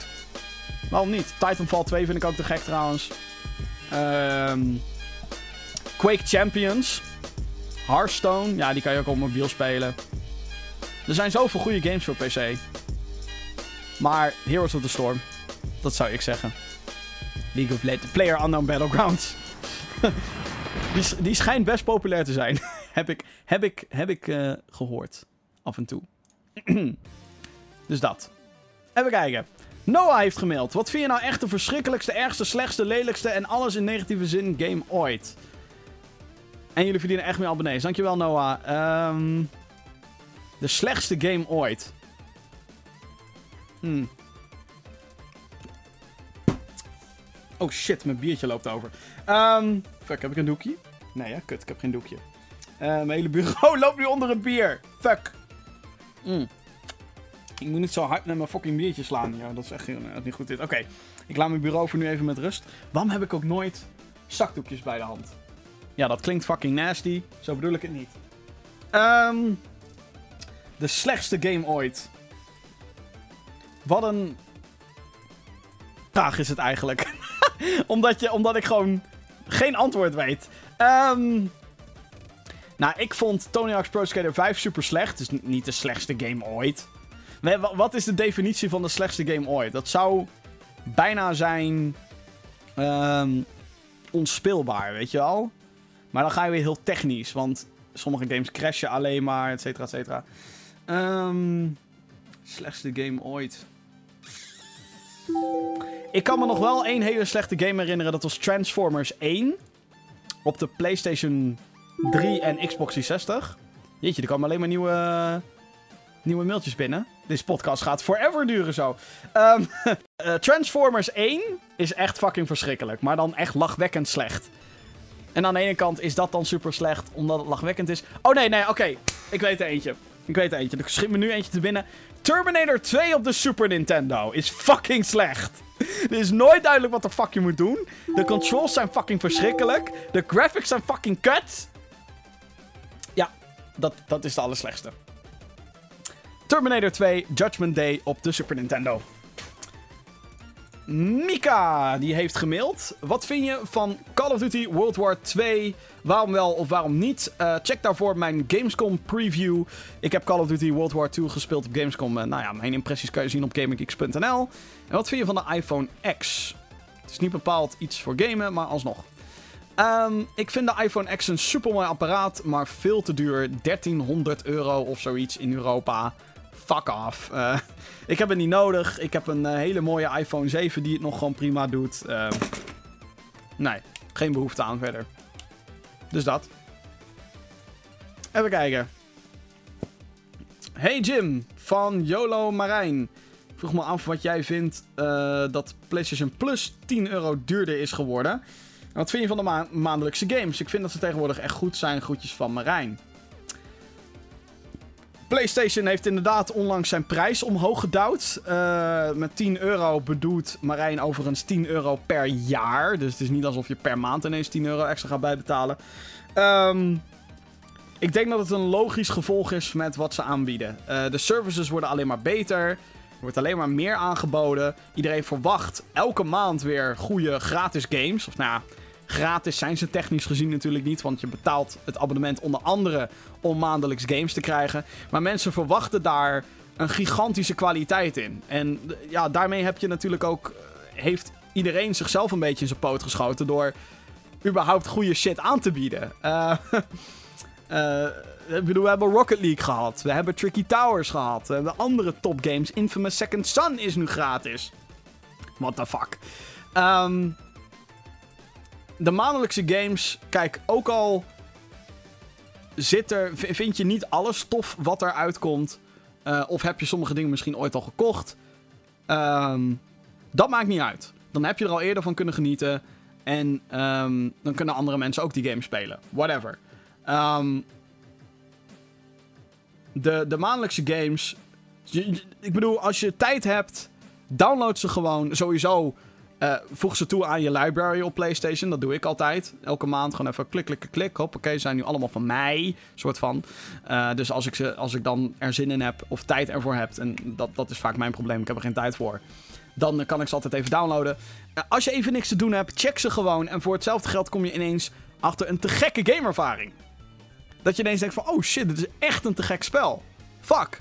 Until Dawn was laatst fucking gratis. Until fucking Dawn. Weet je hoe goed die game is? Holy shit. De hele reden waarom ik een PlayStation Vita uh, had gehaald is door PlayStation Plus. Omdat ik er toen achter kwam van holy shit, je krijgt elke maand fucking games. En de Vita is dan een geweldig platform waarin je gewoon random shit gaat proberen. Want het is toch een handheld, weet je al? Um, wat vind ik ervan dat, het, dat, het, dat de prijs omhoog gaat? Tuurlijk is het kut iedereen vindt dat, iedereen die het betaalt, vindt het kloten. Ook als Netflix omhoog gaat, dan gaat iedereen klagen. Hé, what the fuck, eh, kut, uh, dingen die duurder worden, dat is nooit leuk. Leuker kunnen we het niet maken. Wel makkelijker? Nou, weet ik niet. Um, maar daar ik, ik, ik, ga dan altijd een beetje uit van het goede uh, van zo'n bedrijf. En ik ga er dan vanuit dat het een reden heeft. En ik mag hopen dat die reden is dat ze continu eraan werken om de service te verbeteren. Nogmaals, die maandelijkse games, daar verwacht iedereen elke maand weer goede shit van. En als er één game tussen ziet die misschien niet helemaal voor hun is, of die ze een paar jaar geleden al hebben gekocht, dan gaan ze ineens allemaal klagen online van, oh wat een kut games deze maand. Jongen, fuck off. Heb je ze al gespeeld? Nee. Nou, fuck you dan, weet je wel. Ehm... Jeetje, er blijven alleen maar mailtjes binnenkomen. Um, dus, dus, nogmaals, het is nooit leuk als iets duurder wordt, maar laten we ervan uitgaan dat het beter wordt. Wat mij opviel van de line-up van PlayStation Plus in september is dat er een PlayStation VR-game tussen zit. Dus ook daar gaan ze steeds meer een pushen. En dan zou je misschien denken, ja, maar ik heb geen PlayStation VR. Dat geldt natuurlijk ook voor iedereen die misschien geen PlayStation 3 heeft. Of die misschien geen PlayStation Vita heeft. Dus daarover klagen vind ik ook altijd een beetje leem. Ja, nogmaals, ik, ik, ik, val in herhaling. Dus dit is de laatste keer dat ik het zeg. Ja, het is kut dat het duurder wordt. Maar laten we hopen dat daardoor de service alleen maar beter wordt. En wie kan daar dan over klagen? En ook 10 euro voor één heel jaar. Uh, het is nu, in plaats van 50 euro per jaar, is het 60 euro per jaar. Dus dat betekent dat je voor eh, de, de, de prijs van één game, één volledige game, kan je en een heel jaar lang online gamen. Dat is dan een beetje het nadeel, dat je het wel moet hebben, wil je online kunnen spelen. Maar je kan dan een heel jaar spelen. Daarbovenop uh, cloud saving, bullshit, kortingen in de PlayStation Store, bla bla bla bla bla. En je krijgt elke maand gegarandeerd een aantal games. Die waarde haal je er heel makkelijk uit. Dus dat. Jasper heeft gemaild. Ehm, beste Gamer Geek, wat vind je van het spel Fortnite en de game mode Battle Royale? De Battle Royale mode is nieuw inderdaad. Een 100, of 100 spelers tegen elkaar of zo. Die moet ik nog uitproberen. Het spel Fortnite vind ik best leuk. We hebben een let's play staan op gamergeeks.nl. Dan Florian. Hallo, ik heb een vraag. Wat vind je een leuke game op de telefoon? Iets van Pokémon Go, COC of heb je een leuke nieuwe game? Welke vind je gruwelijk die iedereen eigenlijk moet hebben? Um, ik speel niet heel veel op de telefoon. Um, ik heb vaak, nou ja, een Nintendo 3DS onderweg om mee te gamen. Of ik heb um, een Nintendo Switch waar ik op game, ook voor onderweg. Of een PlayStation Vita. De telefoon is voor mij echt als ik me de tyfus verveel ergens. Of ik wil gewoon even iets te doen hebben. Het is voor mij echt een middel tegen verveling. Er zijn maar weinig games waar ik echt heel erg op mijn telefoon heb zitten. Oh shit. Uh. Hearthstone is leuk op de telefoon. Want het is gewoon dezelfde game op de PC, maar dan op je telefoon. En dan met touch controls. Uh, dat werkt prima. Um, Plants vs. Zombies vind ik te gek. Jetpack Joyride vind ik heel leuk. Um, en Super Mario Run vond ik wel geinig. Ja. Een te gekke game. Deze is wel echt te gek. Dat is Space Team. Alleen, dat is niet zoals een Pokémon Go of whatever. Ik bedoel, Pokémon Go is Pokémon Go. Daar moet je echt niet proberen een concurrent tegen te maken. Want, ik bedoel, dat is Pokémon Go. Je hebt wel Ingress, maar het is een soort van voorloper ervan. Um, je hebt natuurlijk ook Clash of Clans en Clash Royale en zo. Dat zal COC wel zijn. Um, die heb ik allemaal niet gespeeld. Uh, Angry Birds heb je natuurlijk. Ja, daar hebben er inmiddels ook al 80.000 van. Dat kennen we ook allemaal wel, denk ik, inmiddels. Um, nee, een echt toffe game is, maar, uh, maar daar heb je dus meerdere spelers voor nodig. Dat is Space Team. Space Team is een game. En uh, daarin krijgt iedereen op zijn telefoon. Je moet dat volgens mij via Bluetooth spelen. Um, althans, dat kan ik me herinneren de laatste keer dat ik het gespeeld heb. Via Bluetooth. En iedereen krijgt dan een panel een panel voor zich met allemaal knoppen van een ruimteschip. En jij krijgt een commando ook op je scherm van, yo, dit moet nu gebeuren, anders crashen we. Alleen jij hebt die knoppen niet op je scherm. Iemand anders heeft dat. Dus je moet dan roepen in zo'n in zo'n in zo'n groep, oké, set phasers to 3. En dan wie heeft de phasers? Oh, jij hebt de phasers. Zet phasers op 3. Maar dan heb ik bijvoorbeeld de ventilatoren. Zet die ventilatoren op groen. Oké, klik en dan moet ik dat doen. Dus een beetje uh, keep talking and nobody explodes. Maar dan meerdere mensen op je telefoon. Dat werkt fucking goed. Uh, heel leuk spelletje. Maar nogmaals, als wel met andere mensen en zo. Het is niet, niet zoals andere mobile games. Echt een party game. Heb ik een paar keer gedaan. En dat uh, vond ik helemaal te gek. Goed. oh ja, ik had ook nog een dingetje in de chat. En dan uh, sluiten we deze mailsectie af. Nogmaals, als je, als je vragen hebt voor de show, podcast.gamergeeks.nl. Daar kan je al je vragen kwijt de hele week. Totdat we weer een nieuwe, net totdat we weer een nieuwe show gaan hebben. Um, even kijken. Oh ja. Liko Osu heeft uh, in, de, in de chat geroepen. Pokémon Gold en Silver komen 22 september uit op de Virtual Console op de 3DS. Wat vind je ervan en ga je er een kopen en welke? Um, ja, leuk dat het uitkomt. Ik bedoel, we kunnen er denk ik weinig op tegen hebben dat, uh, dat Pokémon Gold en Silver naar de 3DS komen. Uh, er zat online multiplayer in, geloof ik, hè? En dat is wel tof. Dat ze van een hele oude Game Boy game. Get My Color game. Allebei kan het. Um, hij is in kleur op de 3DS. Voor de duidelijkheid. Um, dat vind ik wel tof dat ze dan online multiplayer daarin stoppen. Uh, althans, geloof ik. Ik weet niet of dit waar is. Hm. Um, dat vind ik leuk. Ja, ik kan er heel weinig op tegen hebben. Um, ik ga hem denk ik niet halen, want ik heb er absoluut geen tijd voor. Maar ja, ik. Um, het, is wel, het is wel een Pokémon game waar ik, net zoals heel veel mensen die het gespeeld hebben, hele mooie herinneringen aan heb. Um, maar ja. Ja, ik, ik, nogmaals, ik heb mijn tijd al heb ik al, ben ik al aan het voordoen met Metroid op de 3DS. En met, ik heb nog bij mijn Legacy Collector's Edition dinges... heb ik een downloadcode gekregen voor Metroid 2, de Virtual Console versie. Dus die wil ik ook eigenlijk wel gaan spelen. Als ik Metroid Samus Returns eenmaal heb uitgespeeld. Misschien, als ik er tijd voor heb. Probably not. Oh, geen, er zit toch geen online multiplayer in? Hm. Ik dacht dat ze dat wilden doen. Was al met een andere. Geen idee. Maar als dat helemaal te gek zijn, of is het draadloos? Via 3DS. Er moet wel een multiplayer optie in zitten, anders is het kut. Maar, anyway, als ze zoiets doen, ja, leuk. Ik, uh, ik ben zelf niet super geïnteresseerd of zo daarin. Het is een game die ik jaren geleden heb gespeeld en dat zal wel. Oké, dan gaan we naar het gesprek van de dag. En het gesprek van de dag is dit keer de nieuwste Nintendo Direct. Nintendo uh, heeft zo nu en dan een online uitzending, een vooraf opgenomen presentatie, waarin ze allerlei nieuws delen over Nintendo games of games die uitkomen voor de Nintendo systemen. En we zitten nu natuurlijk op een interessant punt in de geschiedenis van Nintendo. Want zij hebben nu een, um, een zeer succesvolle handheld. De Nintendo 3DS. Bestaat al een aantal jaar. Loopt nog steeds als een trein. Games verkopen er goed op. En ze hebben nu de Nintendo Switch. De nieuwe console slash handheld hybride.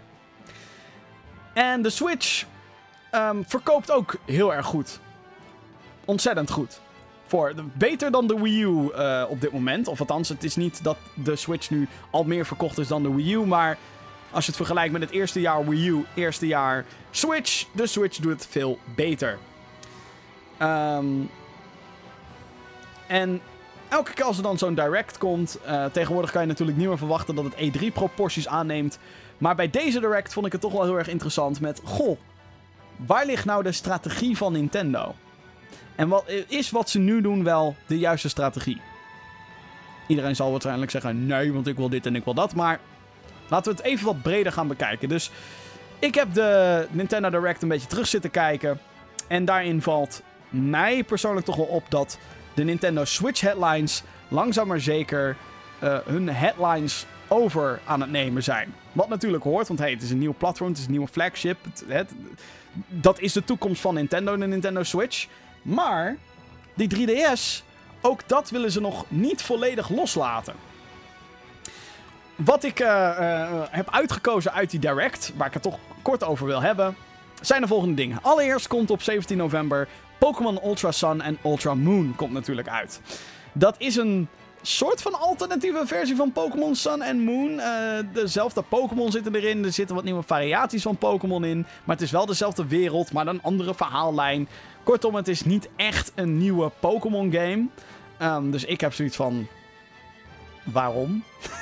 Steek die geld, tijd en moeite liever in een. in een Switch Pokémon RPG die er aankomt. Dat weet ik. Maar hè, ontwikkeltijd en geld is toch ontwikkeltijd en geld. Um, dat vind ik een hele rare. Het is zo van, hey, er zijn veel Pokémon-fans, laten we nog meer geld uit trekken. Uh, vind ik raar dat ze dan zo'n ultra-versie van iets uitbrengen. Um, vooral omdat het, denk ik, voor heel veel mensen niet duidelijk is of het nou echt nieuw is of niet. Het is niet echt, echt nieuw, nieuw, nieuw, nieuw, nieuw, nieuw. En ik denk dat dat per persoon ook weer verschilt. Kijk, ik heb Sun and Moon niet gespeeld. Dus ik heb zoiets van, ja, het zal wel. Ik was niet geïnteresseerd in Sun and Moon. En ik ben dus ook absoluut niet geïnteresseerd in Ultra Sun en Ultra Moon. Wie is hierin geïnteresseerd? De echt, ja, waarschijnlijk de echte, echte, echte Pokémon diehards. Maar verder. Nintendo is van het brede. Pokémon moet breed zijn. En zo'n Ultra versie bullshit als je aan mij vraagt. Maar goed, die komt dus uit op 17 november voor de Nintendo 3DS. Wordt ook een uh, nieuw Nintendo 2DS XL Pokémon versie uitgebracht. Er zit een Pokéball uh, plaatje staat erop. Heel erg tof. Dan hebben ze aangekondigd een nieuwe Kirby game uh, voor de 3DS. Kirby Battle Royale op 3 november. Dit vind ik een hele want het is dus een Kirby game, een, een multiplayer Kirby game. Je kan tegen elkaar, je kan met elkaar, tegen elkaar racen, tegen elkaar vechten. Een soort van Kirby Smash Brothers eigenlijk. Maar dan voor de 3DS.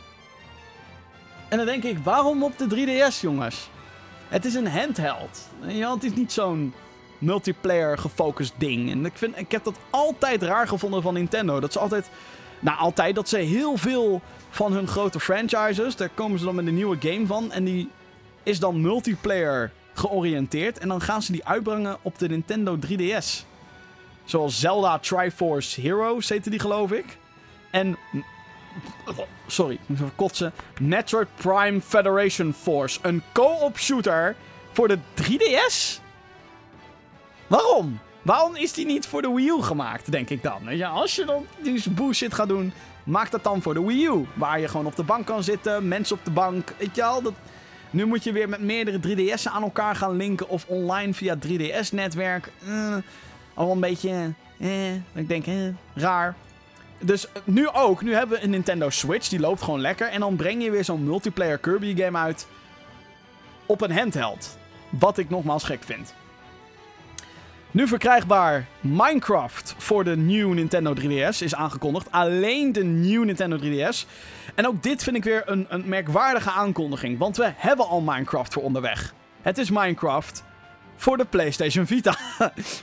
no joke, die bestaat. Maar ook Minecraft voor de Switch is al uit.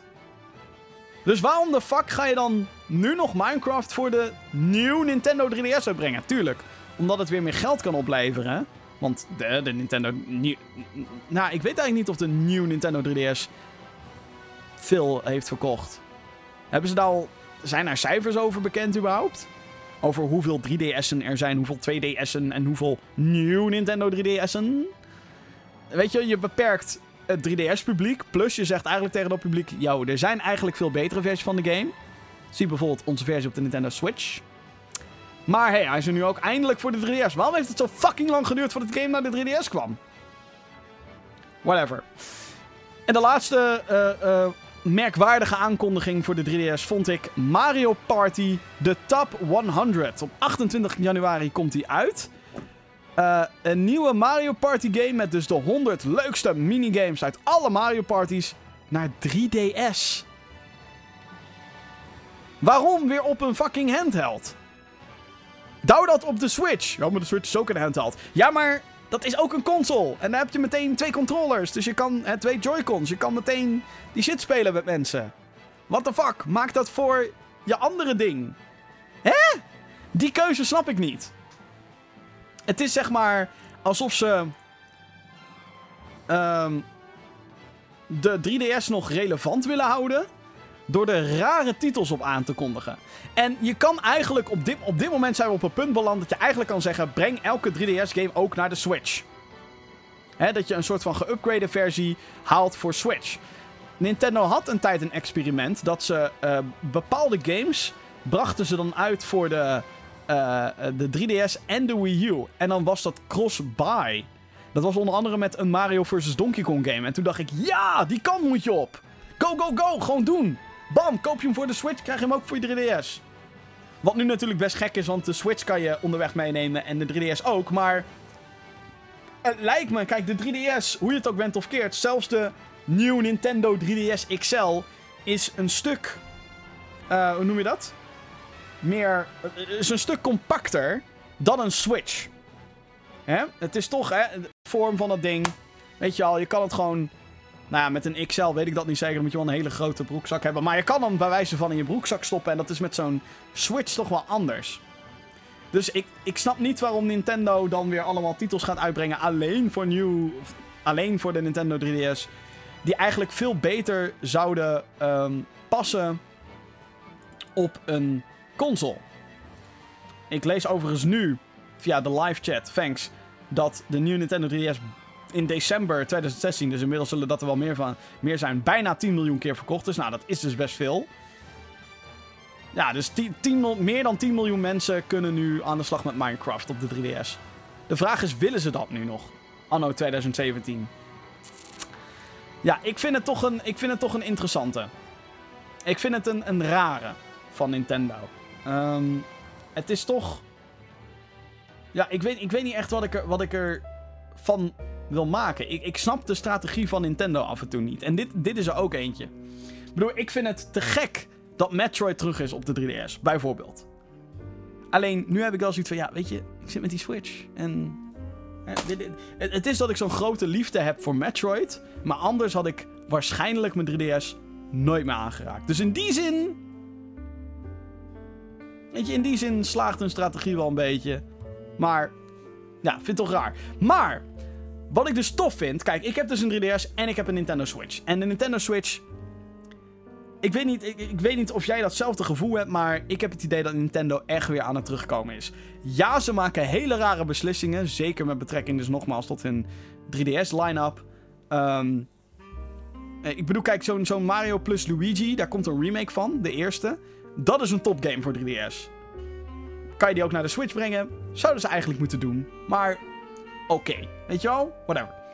Het Switch-nieuws, wat er uh, uit de nieuwe Nintendo Direct is gekomen, dat vind ik dus te gek. Met uitzondering van één ding, daar kom ik zo meteen op terug. Allereerst is bekend wanneer die Elder Scrolls 5 Skyrim naar de Nintendo Switch komt. 17 november gaat dat gebeuren. Is dat een goede datum voor die game? Ik weet het niet. Je zit dan toch midden in het uh, najaarsgeweld van videogames. Uh, mensen zijn dan toch, denk ik, eerder geïnteresseerd in Call of Duty. En uh, Destiny is al uit, maar je hebt ook Wolfenstein. En je hebt FIFA. En je hebt Assassin's Creed. En al die grote games heb je. Of mensen dan, ook de Nintendo Switch-eigenaren, of die dan op dat moment zin hebben om 60 euro uit te geven aan een poort van een 5, 6 jaar oude game. Dat betwijfel ik. Maar ik ben daar wel in geïnteresseerd. Want Skyrim op een handheld, het, het, het heeft wel iets. En zeker als je vaak treinreizes maakt, lijkt Skyrim mij echt de perfecte game. Van Bethesda, de uitgever van Skyrim, kwam ook ander interessant nieuws. Nieuws die ik niet zag aankomen. Namelijk Doom en Wolfenstein 2. De New Colossus komen beide naar Switch. The fuck? Wat? Dat is fucking awesome. Dat een, een derde partij eindelijk de moeite neemt om zijn nieuwe games. Doom is dan een jaartje oud, maar Wolfenstein 2 moet nog uitkomen. Om die te porten naar de Switch. Ten eerste lijkt me dat heel lastig, want de Switch is underpowered als je het gaat vergelijken met een PlayStation 4 en een Xbox One. De normale, laat staan de Pro en de X-versies en de PC. Laten we daar maar helemaal niet over beginnen. Um, dus het wordt sowieso een uitdaging. Um, ik ben heel benieuwd hoe het gaat spelen. Van Wolfenstein 2 weten we alleen dat het in 2018 pas uitkomt. Wolfenstein 2 komt um, op 24 oktober uit mijn hoofd. Komt hij al uit voor de PC, PlayStation 4 en de Xbox One. Dus hij komt niet tegelijkertijd uit, wat wel jammer is. Maar goed, then again, waarschijnlijk zijn ze nog heel hard aan het sleutelen om überhaupt uit te vogelen hoe, hoe de fuck ze die game gaan laten draaien op de Switch. Van Doom, die komt eind dit jaar uit. En uh, daar was wel al wat over bekend. Waar ik dan toch een beetje zorgen over maak. Kijk, dat die graphics niet zo mooi kunnen worden als op de PlayStation en de Xbox. Dat lijkt me best logisch. Het ding heeft gewoon minder kracht. Het moet, uh, hè, onderweg moet je het kunnen spelen. Dus dat is logisch. Dat die er niet zo mooi uit gaat zien. Maar wat ik dus heb gelezen. Is dat Doom op de Switch 27p gaat zijn. Oké. Logisch. Lagere resolutie. Dat snappen we. Maar 30 frames per seconde. En tuurlijk, van veel games die je op een, een, een, een apparaat zet met lagere performance. Tuurlijk kan je, dan hè, kan je ook lagere performance uit de games verwachten. Maar Doom speelt zo lekker op 60 frames of, of, of, meer. En ik denk dat die game daar een beetje omheen draait. En op het moment dat je dat gaat halveren naar 30, weet ik niet of de game dan nog wel zo lekker is om te spelen. Um, ik moet het natuurlijk zelf gaan meemaken en ervaren. Hè, op, op, op de handheld. Ik heb nog niet gespeeld. Doom op de Switch. Ik ben hartstikke benieuwd, want ik vind Doom fantastisch. De 2016 versie, het origineel ook natuurlijk. Um, en dat dat dan naar een Nintendo-platform komt, vind ik bijzonder. Wat wel jammer is, um, de singleplayer is aanwezig op Doom voor de Switch. De multiplayer is aanwezig voor Doom op de Switch. Maar de SnapMap-functie, waarin mensen zelf levels konden maken en modes konden creëren door middel van een, uh, nou ja, een, level editor, dat is er helemaal uitgesloopt. Dat zit er niet in in de Switch-versie. En dat vind ik dan toch jammer. Um, ik zelf maak er niet heel veel gebruik van van die SnapMap. Ik vind dat het ding zelf um, aan de ene kant wel makkelijk is dat je iets kan uitvogelen. Maar aan de andere kant het ook niet zoveel creativiteit biedt. Althans, toen de game net een paar maanden uit was, had ik er een paar dingen mee uitgeprobeerd of gedownload. En toen ook zoiets van, ja... Niet zo bijzonder. Maar misschien is dat nu anders hoor. Maar alsnog jammer dat die functie uit de Switch-versie is gesloopt. Vind ik gewoon jammer. Maar ik ben wel heel benieuwd hoe het echt is om die game op de Switch te spelen. Ehm, en Wolfenstein 2, hoe de fuck gaan ze dat doen? Want die game is dus hè, een 2017 game. Op de Switch. Ja, dat, tuurlijk, het is niet bijzonder, want de Switch zelf kwam uit in 2017, maar gewoon een full-blown shooter. Wat? Ik vind het te gek, alleen ik hoop wel dat ze het, het dusdanig hè, op de Switch werkend weten te krijgen dat het nog wel leuk blijft om te spelen. Daar maak ik me een beetje zorgen over. Dan Xenoblade Chronicles 2, die komt op 1 december uit. Dat is een Japanse RPG. Eh, er, werden meer, uh, er werd meer gesproken in de Nintendo Direct over Japanese RPG's. Ik ben daar niet zo heel van, moet ik heel eerlijk zeggen. En ook Xenoblade denk ik, ja, het ziet er op zich mooi uit, maar echt interesse is er niet vanuit mijn kant. Maar tof dat uh, heel veel mensen verheugen zich er wel op. Dus tof dat de Switch zo'n game krijgt. En ook nog dit najaar. Dan de nieuwe Kirby Switch game. Um, ik had het dus net al over die Kirby Battle Royale voor de 3DS. Ik wou dat die omgewisseld was met deze game. Want de nieuwe voor de Switch heet Star Allies. Komt in de lente van 2018 pas. En dat is een, een Kirby game. Gewoon 2D, powers en oh leuk, powers combineren. Oh, Kirby, Kirby, Kirby. Het is gewoon weer Kirby game nummer 80.000. Je kan het in co-op spelen. Tof.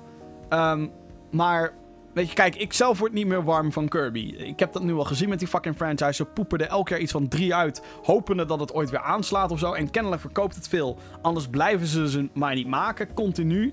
Um, het doet alleen niks bijzonders, deze game. En ik denk dan, goh, pleur dit dan op die 3DS. Als je al 80 Kirby, Kirby games hebt gemaakt voor de 3DS en kennelijk scoren ze daarop goed, breng dan juist zo'n game weer naar 3DS en haal die multiplayer gefocuste Kirby game, die je echt met z'n vier op de bank wil spelen, haal die dan naar de Switch. Snap ik niet. Een paar uh, indie games uh, die ik heel tof vond. Super Meat Boy Forever. Een sequel op Super Meat Boy, die komt naar de Switch. Perfecte game voor, die, voor, voor, voor dat systeem. Zowel op de bank als onderweg. Perfect, bam. Dit soort games moet de Switch hebben. Um, 2018 komt hij pas uit. En dan een opmerkelijke shooter een exclusive voor de Switch. Morphe's Law. Dat is een game waarin je... Um, nou, je moet elkaar neerknallen. Maar als je op een bepaald lichaamsdeel knalt... dan wordt dat lichaamsdeel op jouw lichaam groter. Van wat ik ervan begrijp. Dus op een gegeven moment krijg je hele misvormde characters die rondrennen. Uh, en uiteindelijk is de bedoeling... Uh, want alle massa bij elkaar van, uh, van jouw team... dat bepaalt jouw avatar morph ding poppetje. Althans, hele grote pop.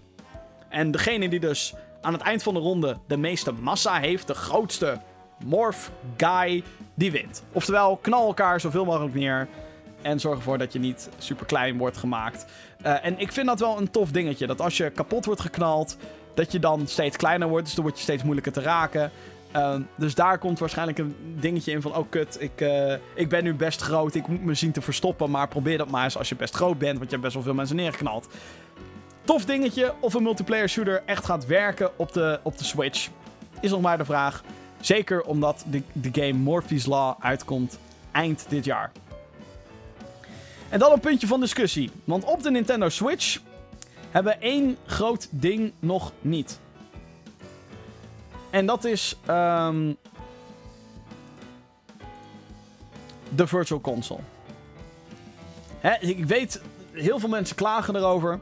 Ook ik. Want hey, de Wii had de Virtual Console bij launch. De Wii U had de Virtual Console bij launch. De 3DS had de Virtual Console bij launch. En mocht je niet meer weten wat de Virtual Console is, de Virtual Console is een digitale winkel waarin je oude Nintendo games kan kopen. Dus Super Mario Bros., Donkey Kong Country, van allerlei retro systemen kan je ze digitaal kopen, downloaden, spelen. Te gek! Zeker op de Wii, zeker op de Wii U, zeker op de 3DS is dat gewoon fucking lauw. Dat, dat kan, dat die mogelijkheid er is, dat je gewoon weer oude games kan, kan spelen uh, zonder te veel poespas. Dat is er nog steeds niet op de Switch. En iedereen vraagt zich af waar de fuck blijft dat? En het lijkt erop alsof Nintendo dat voorlopig ook nog steeds niet gaat doen, want zij hebben aangekondigd, dames en heren, Arcade Archives. Dat zijn dus Nintendo arcade games. Dus dat is niet exact hetzelfde als de NES games en de Super Nintendo games, et cetera, et cetera. Maar het lijkt er wel verdomd veel op. Want wat ze hebben aangekondigd is Mario Brothers. Niet Super Mario Brothers, maar Mario Brothers, de arcade game. Die komt op 27 september, komt die al. Ehm, daar zullen wat subtiele kleine veranderingen in zijn, zoals local multiplayer en dat soort dingen. En andere games die ze hebben aangekondigd die, er nog, uh, die, die ook in dezelfde vorm gaan uitkomen zijn... Versus Super Mario Brothers. Dat is kennelijk ooit een arcade game geweest. Versus Balloon Fight. Versus Ice Climbers. En de arcade versie van Punch-Out. Kijk, dat de arcade versie van Punch-Out dan uitkomt voor Switch, dat is tof, want die verschilt heel veel van de Nintendo 8-bit, de NES-versie. Maar versus Super Mario Bros., versus Balloon Fight en versus Ice Climbers zijn eigenlijk gewoon de fucking 8-bit Nintendo games met een kleine multiplayer twist voor in de arcadehallen. Misschien met wat difficulty spikes hier en daar, misschien levels anders, ik weet niet exact hoe dat werkt. Maar het lijken verdomd veel op NES-games, die we eigenlijk liever in een virtual console willen zien. En ook dit is weer een dingetje, zo'n strategie-dingetje van Nintendo, die ik absoluut niet snap. Breng gewoon een fucking virtual console uit voor de Switch. Het is notabene een console slash handheld hybride, dus het is perfect voor de virtual console. Mensen zouden fucking veel geld spenderen in die digitale store als je het eenmaal beschikbaar maakt. En helemaal als je bepaalde dingen cross-compatible maakt met bijvoorbeeld een Wii U en bijvoorbeeld een Nintendo 3DS. Als je een NES-game koopt, waarom zou dat niet ook gewoon op mijn 3DS kunnen? Weet je al, dat, dat moet gewoon kunnen. Technisch gezien kan dat gewoon. Die 3DS kan notabene fucking... Wat is het? Fucking... Een betere versie van Ocarina of Time draaien. Met betere framerate en betere models en dat soort dingen. Dus het is een veel sterkere Nintendo 64. Sterker nog, zelfs daar kan ik niet, het niet meer vergelijken. Het, het is sterker dan dat. Dus dat ze nu dit soort bullshit arcade games gaan uitbrengen. Ook niet echt dingen waarvan mensen denken, nou, dit had ik gewild. En tuurlijk, ergens snap ik het ook wel, want ze hebben nu die NES Mini, ze hebben de Super Nintendo Mini en... Nou ja, zoals het er nu naar uitziet, gaan we volgend jaar, misschien niet volgend jaar, maar het jaar daarop. We gaan ongetwijfeld een Nintendo 64 Mini krijgen. Het zou me ook niks verbazen als ze op een gegeven moment zeggen: hé hey jongens, dit is de Game Boy Mini. Woehoe! Een, mini Game Boy met Super Mario Land, Tetris en Donkey Kong voor de Game Boy. Woe, top, te gek, leuk. En Wario Land. Ik bedoel, fuck it. Uh, en Donkey Kong Land, als we dan toch bezig zijn. Dat zou me niks verbazen als dat allemaal gebeurt. Alleen, ja, weet je, het is, het is een soort van omgekeerde wereld. Want eerst introduceer je een digitale winkel. Die breng je uit bij launch van drie van je platforms. Werkt geweldig. Um, heeft ongetwijfeld veel geld opgeleverd. Het enige wat ik er persoonlijk jammer aan vind, is dat ze elke keer. Hè, dat ze het elke keer soort van uitstellen van. Oh ja, pas over een jaar brengen we Donkey Kong Country 2 uit voor de Virtual Console. Waarom fucking niet meteen? Weet je wel, waarom niet gewoon meteen de hele boel aanbieden, zodat iedereen zo van, oh shit, ik wil, ik wil het kopen. En dat je af en toe dan zo'n mega sale doet à la Steam. Waardoor mensen hebben van, oh shit, hier Nintendo, give me, hier alsjeblieft, hier is mijn geld. Take my fucking money. Ik denk dat dat gewoon heel succesvol voor ze gaat zijn, als ze dat zouden doen.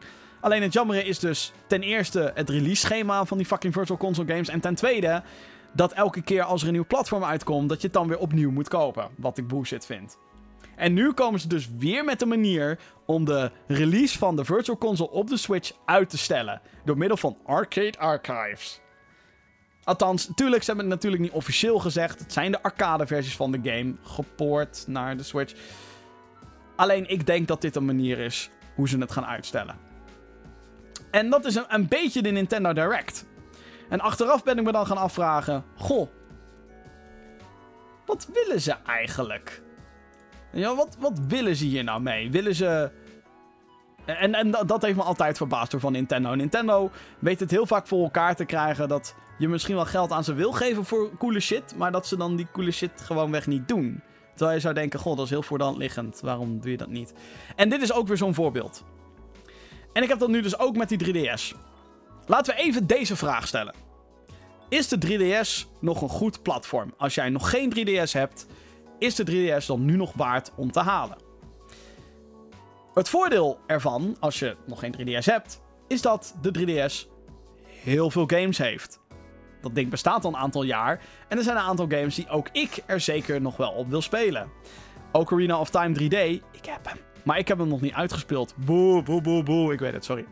Majora's Mask 3D, die zou ik eigenlijk ook nog wel willen spelen. Lijkt me te gek.